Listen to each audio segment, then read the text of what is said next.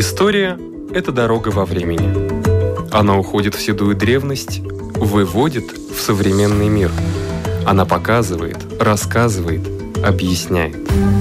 И не перестает удивлять.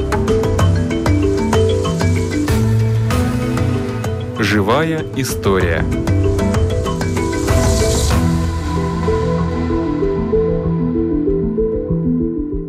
У микрофона Лидия Чера.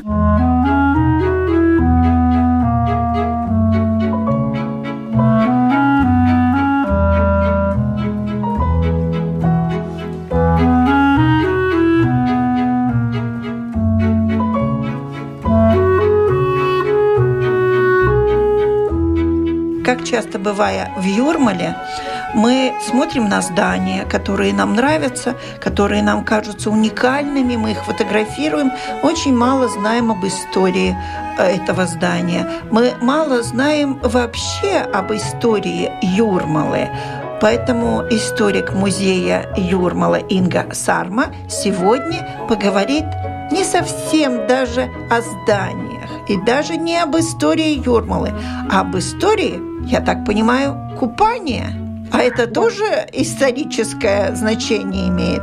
Конечно. История купания довольно, можно сказать, таинственна, потому что до сих пор еще не все абсолютно ясно насчет этой традиции, и она имеет э, столько разных трудностей, которые нужно было людям преодолевать для того, чтобы просто сбросить одежду и зайти в воду и поплыть и купаться. Раньше было совсем непросто. Ну-ну, а в чем проблема? Проблема началась в средних веках, потому что в эпоху античности древние греки и римляне не боялись воды. Они воду любили, они любили чистоплотность, они умывались, они купались, плавали. И это было для них совсем обыденным делом. Но средние века началась боязнь воды. Люди считали, что вода не приносит пользу, а наоборот вред. И много умываться, это значит, можно от этого заболеть, потому что слой грязи, который покрывает тело, он предохраняет поры от того, чтобы туда проникли какие-то вредные вещества, болезни, о бациллах тогда не знали, вирусах, но считали, что через поры и находясь в воде именно в тело человека, в организм может попасть что-то такое вредное. Поэтому воды сторонились. Но средние века закончились и дальше начались когда средние века закончились, боязнь воды не закончилась. Это очень трудно сейчас в наши дни представить, но, например, знаменитый Луи XIII, это знаменитый король из трех мушкетеров, вот он не умывался до семилетнего возраста. Как он дожил до старости лет, сейчас даже трудно представить.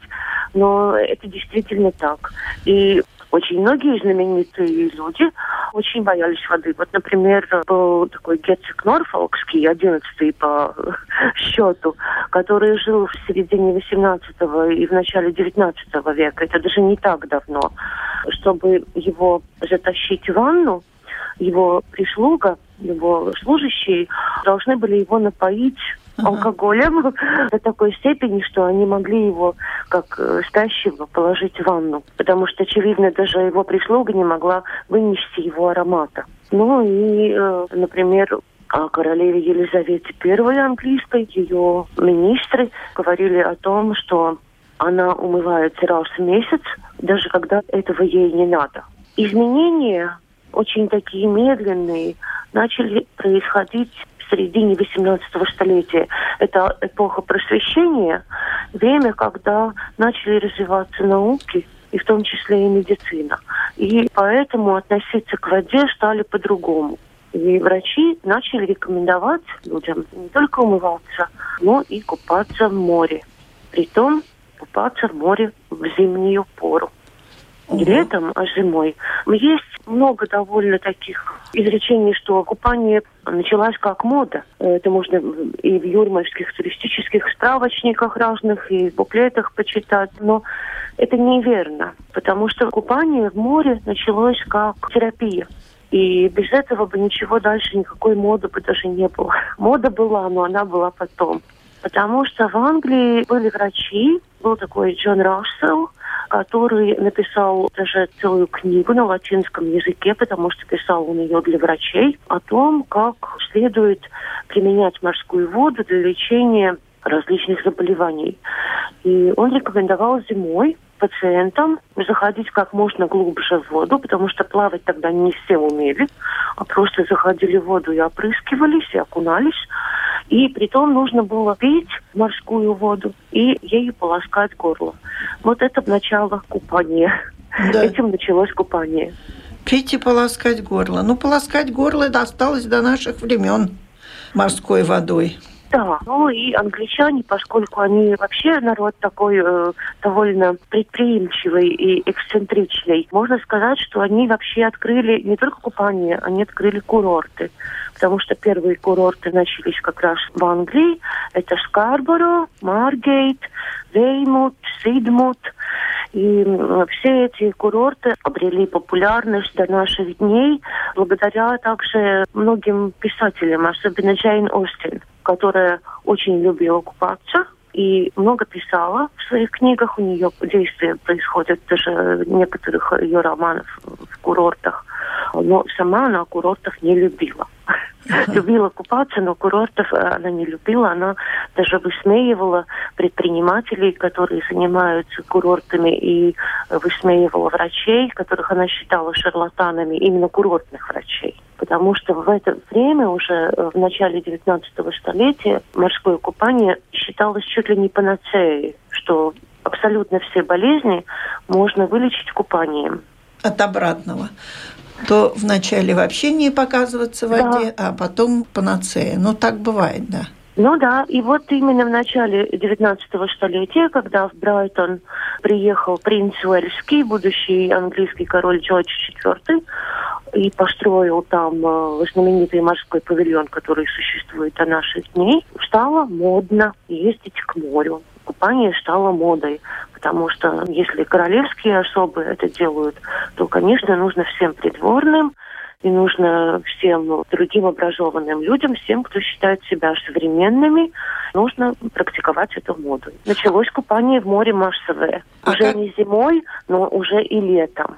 А как до Юрмалы дошло это веяние? А, до Юрмалы дошло это вот как раз именно когда начал развиваться Брайтон, это в середине 18 столетия, когда самые образованные люди в Латвии тогда были помещики немецкие, и э, они много путешествовали. И в середине 18 века первые курортники появляются в Каугурчемс, и они были помещики из Курляндии, которые там начали купаться. Очевидно, они побывали где-то в Англии, видели, как это делается. Только у нас это началось не зимой, а у нас это началось летом.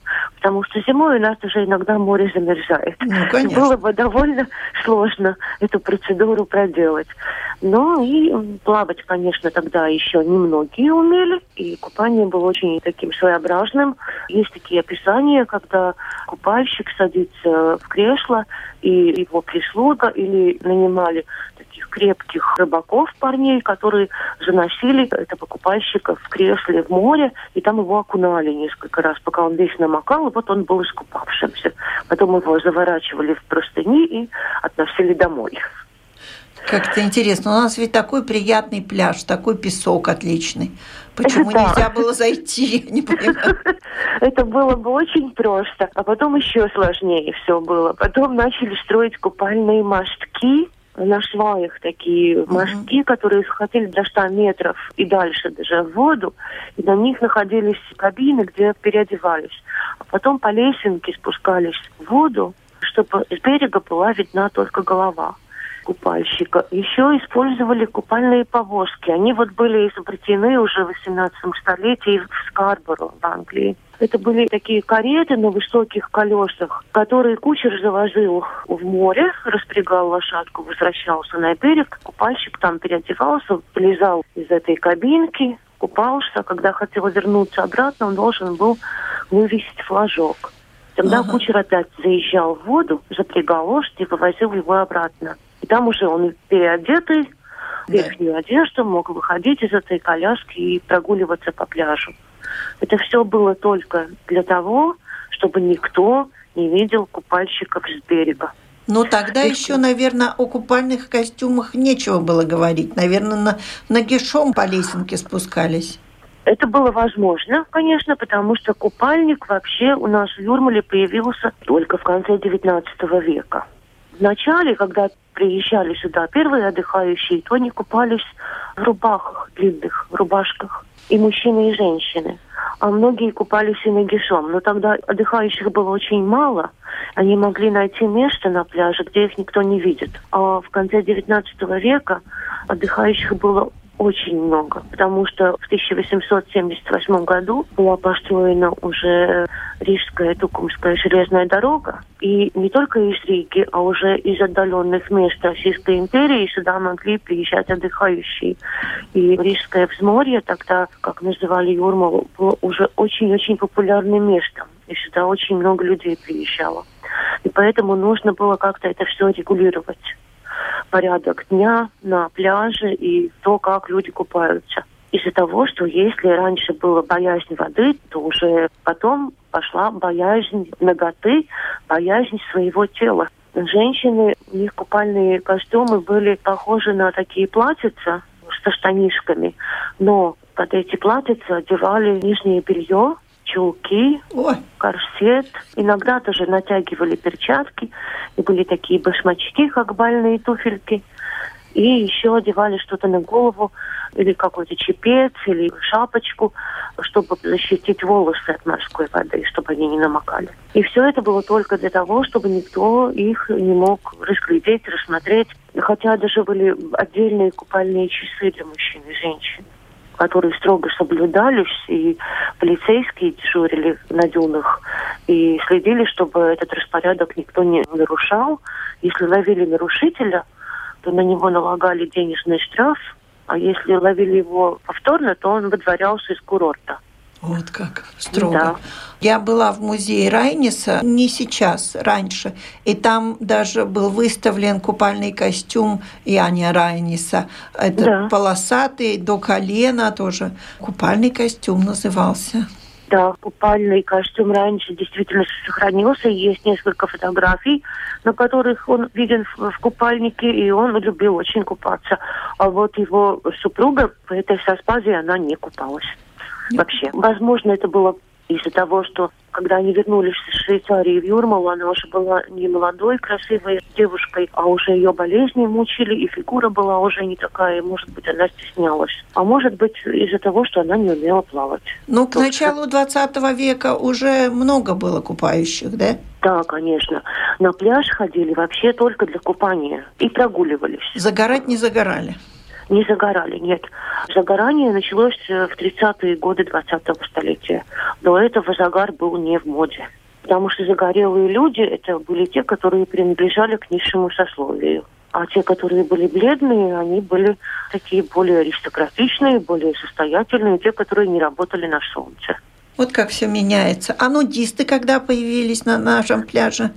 Нудисты появились в 20-е годы 20 века. Но сначала это были даже не нудисты, а были отдельные пляжи, где можно было проводить время, купаться и загорать, принимать солнечные ванны без костюма. Это даже был еще не нудизм.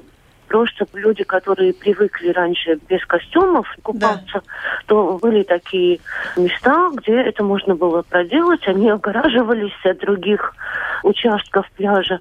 А, натуризм как движение, оно появилось в Европе в 20-е годы, и у нас тоже начали появляться вот натуристы, но у них был такой неофициальный пляж, это было в Буличемс, где плыло попадает в море. Он сохранился буквально до наших дней. Там еще до наших дней можно иногда наткнуться на, на туриста, который где-то запрятался в кустах и там загорает. В советское время их э, милиция вылавливала и изгоняла оттуда. А плавать когда начали учить?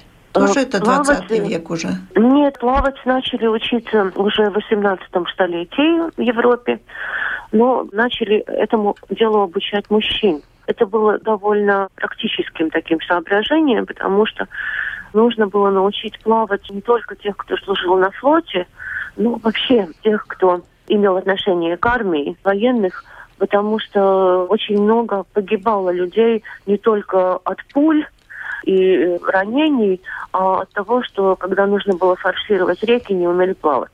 И поэтому началось обучение плаванию уже в XVIII веке. А такое массовое увлечение плаванием как спортом уже в XIX столетии. Первый публичный бассейн был построен в Австрии 1847 году. Но это объясняется тем, что в Австрии не было тогда моря, нужно было в Хорватию отправиться или в Словению, которая принадлежала Австрии. Но в самой Австрии, в стране, которая находится в середине Европы, там не было столько водохранилищ таких. Озера, реки очень холодные и бурные реки горные, поэтому это понятно, почему они начали строить бассейны. В начале 19 столетия уже в Англии было много плавательных обществ, которые занимались обучением плавания. И англичане, это было в середине XIX века, первые, которые организовали даже состязания по плаванию.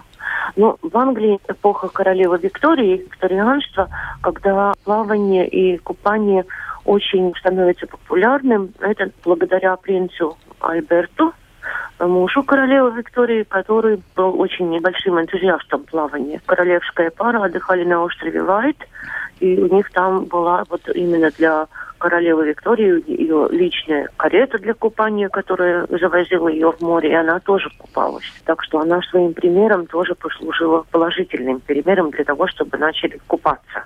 Какие знаменитости у нас принимали водные процедуры? К нам вообще много знаменитостей приезжало. Ну, например, из писателей это Иван Гончаров, угу. который приезжал в Дубулты и в своих письмах и в заметках, в дневниках, как он сам написал, принимает дубель. Потом Сергей Эйзенштейн в детстве с родителями тоже приезжал в Юрмалу и купался.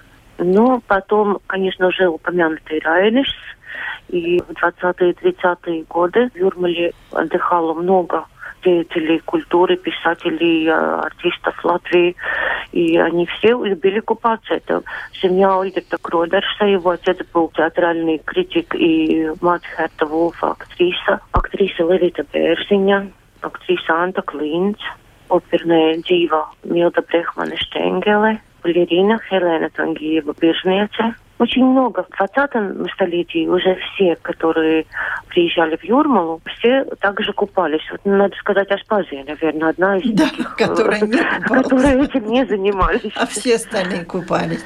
Я знаю, что можно еще много задавать вам вопросов, и вы на все ответите, но думаю, что такое впечатление о Юрмальском курорте, о том, как здесь занимались плаванием и принимали солнечные ванны, мы все-таки получили благодаря историку музея Юрмалы Инги Сарми.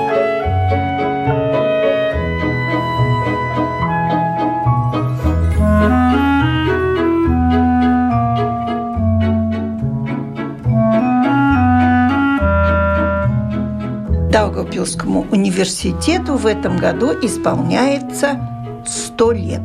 100 лет – это, соответственно, 1921 год. Латвии всего три года. И уже университет в Латгалии. Это значит, что то правительство заботилось о воспитании, об образовании и латгальской стороны. У нашего микрофона проректор по научной работе, многие годы бывший ректором этого университета Арвид Баршевскис. Мне интересно, как все начиналось? Да, действительно, вы абсолютно правы. В то время правительство Латвии думало о том, как максимально образовать население, то есть чтобы они получили максимально хорошее образование.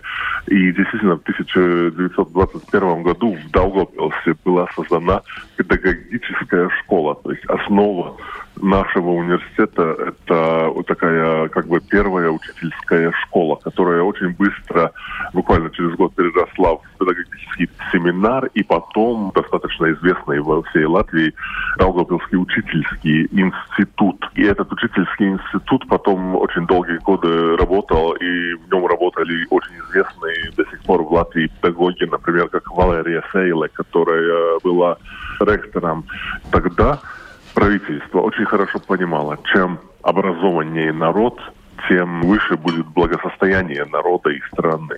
И вот та основа, которая заложена тогда, и те традиции, они продолжаются уже более ста лет. А если говорить о здании, вот это ваше фундаментальное здание, в каком году его построили? Это здание там, где мы... мы Старое мы здание, называем, скажем. Да-да-да, мы сами называем старый корпус административный корпус. Он построен в 1956 году. Это сталинское здание, то есть это послевоенное здание. Его строили с другой целью. Тогда его строили как э, будущее здание Даугавпилского областного комитета. Но в Латвии области не ввели. И вот это построенное здание потом тогда уже под педагогический институт. Такое же самое здание в Лепае. Они абсолютно идентичны. И в Даугавпилском университете, Лепайском университете. Притом даже ректорат находится в тех же самых кабинетах. Но историческое наше здание – это на улице Саулес 1.3. Классическое здание довоенное из красного кирпича. И во время войны вот одно из немногих зданий Даугавпилса, которое осталось неразрушенным во время бомбежек осталось в вашем ведомстве? Да-да-да, это в нашем ведомстве мы вот ждем. Немножко законсервировано сейчас, потому что это памятник архитектуры, и там нужны очень большие деньги, чтобы отреновировать. И вот мы ждем первой возможности, когда это можно будет запустить.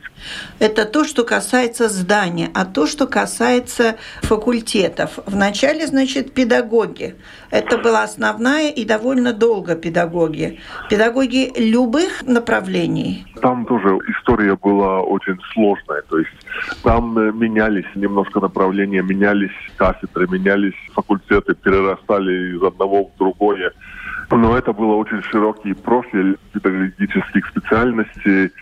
И начиная с 2001 года вот мы уже работаем как полноправный такой университет классического типа, где тоже почти все направления представлены, кроме теологии и таким образом мы развиваемся. И с 2001 года как раз этот период был, наверное, одним из самых таких плодотворных, потому что и материальная база, и новые корпуса появились, реновированы старые, идут программы утепления там, и так далее, и так далее, и так далее. И важно, что университет одной из старейших высших учебных заведений Латвии в том, что это академические традиции, которые переходят э, из поколения в поколение. Это, может быть, такая более серьезная приверженность к науке, которая очень важна для университета и для студентов, конечно. Наука, наука.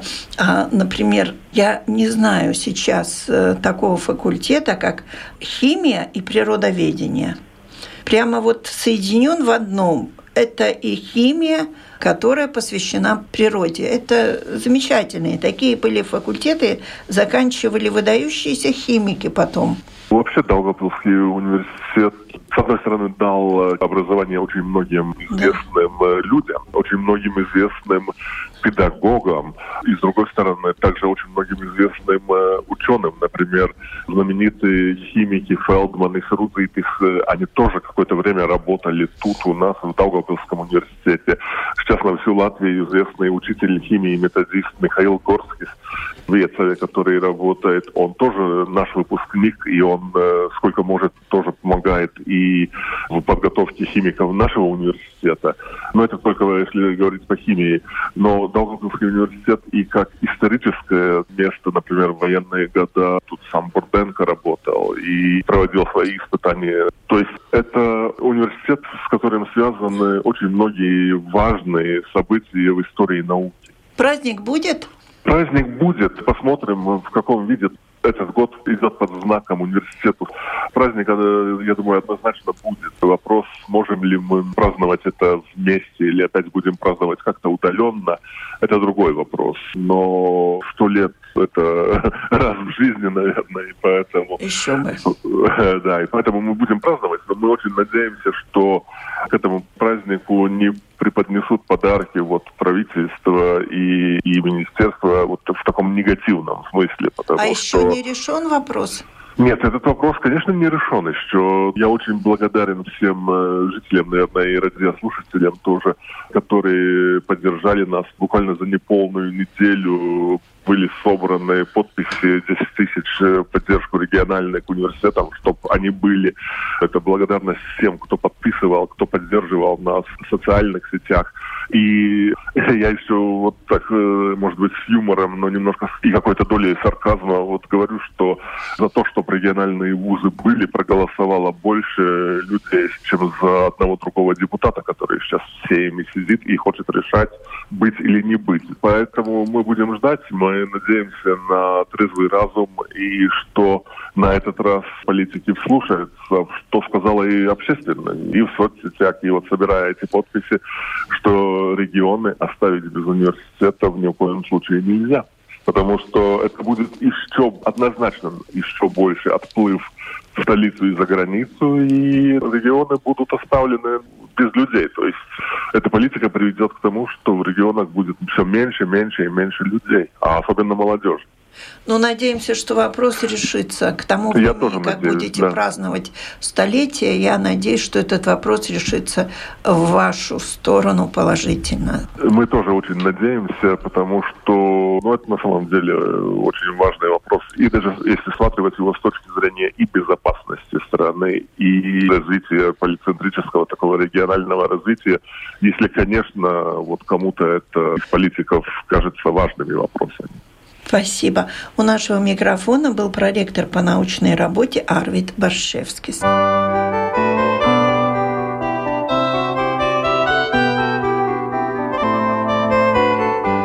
Сто реликвий истории Латвии рассказывает Ирина Зейбарта. В числе наших ста реликвий есть такие реликвии, которые очень четко соединяют прошлое с недалеким настоящим. Один пример, о котором я расскажу сегодня, я думаю, очень ясно об этом свидетельствует. Речь идет о мече. Меч который во все времена считался одним из благородных орудий воина, который свидетельствовал о определенном статусе воина и всегда очень-очень высоко ценился. Э, он очень высоко ценится и до сих пор, и в том числе очень высоко ценится археологами, которые считают очень большим счастьем, очень большой удачей найти э, во время раскопок особенно хорошо сохранившийся меч. Одной из таких находок стала находка недалеко от Сигулды, в раскопках в Саксу-Каунс, когда был найден меч э, первой половины XI века, который был очень хорошо сохранившимся, и не только просто сам по себе сохранившийся, но были и найдены остатки ножен. Это тоже очень редкая и очень высоко ценимая раскопка. История этой находки не кончилась только тем, что этот меч попал в музей, стал музейным экспонатом. А история его продолжалась уже в 20 веке, когда в 1938 году Республика Латвии и армия Латвии отмечали свое 20-летие. Это был первый большой юбилей, первый большой праздник в государстве.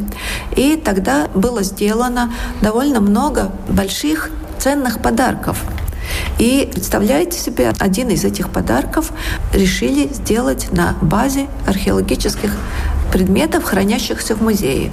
Когда армия Латвии решила преподнести своему первому генералу, главнокомандующему войны освобождения Латвии, генералу Янису Болодису, подарок, был избран именно этот меч, но не сам меч, так как он покоробленный, изъеденный ржавчиной, хранится в хранилищах музея, а избран как прототип, как э, идеальный меч, на как основе образец. которого мастера 1938 года сделали копию меча.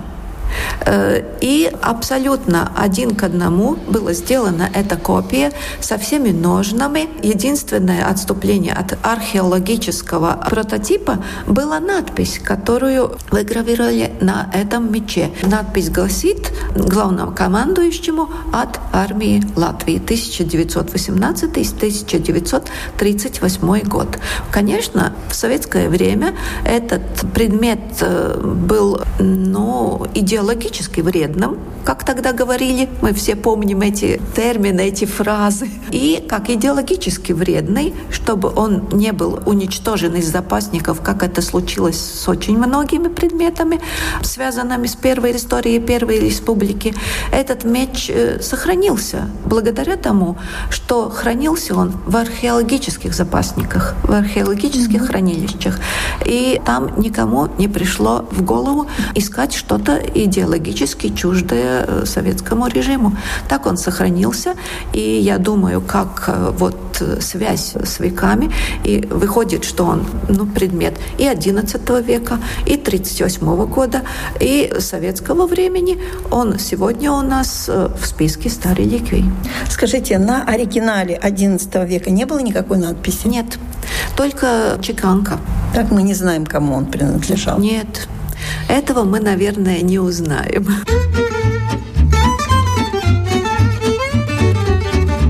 На этом наша программа заканчивается. Всего вам доброго.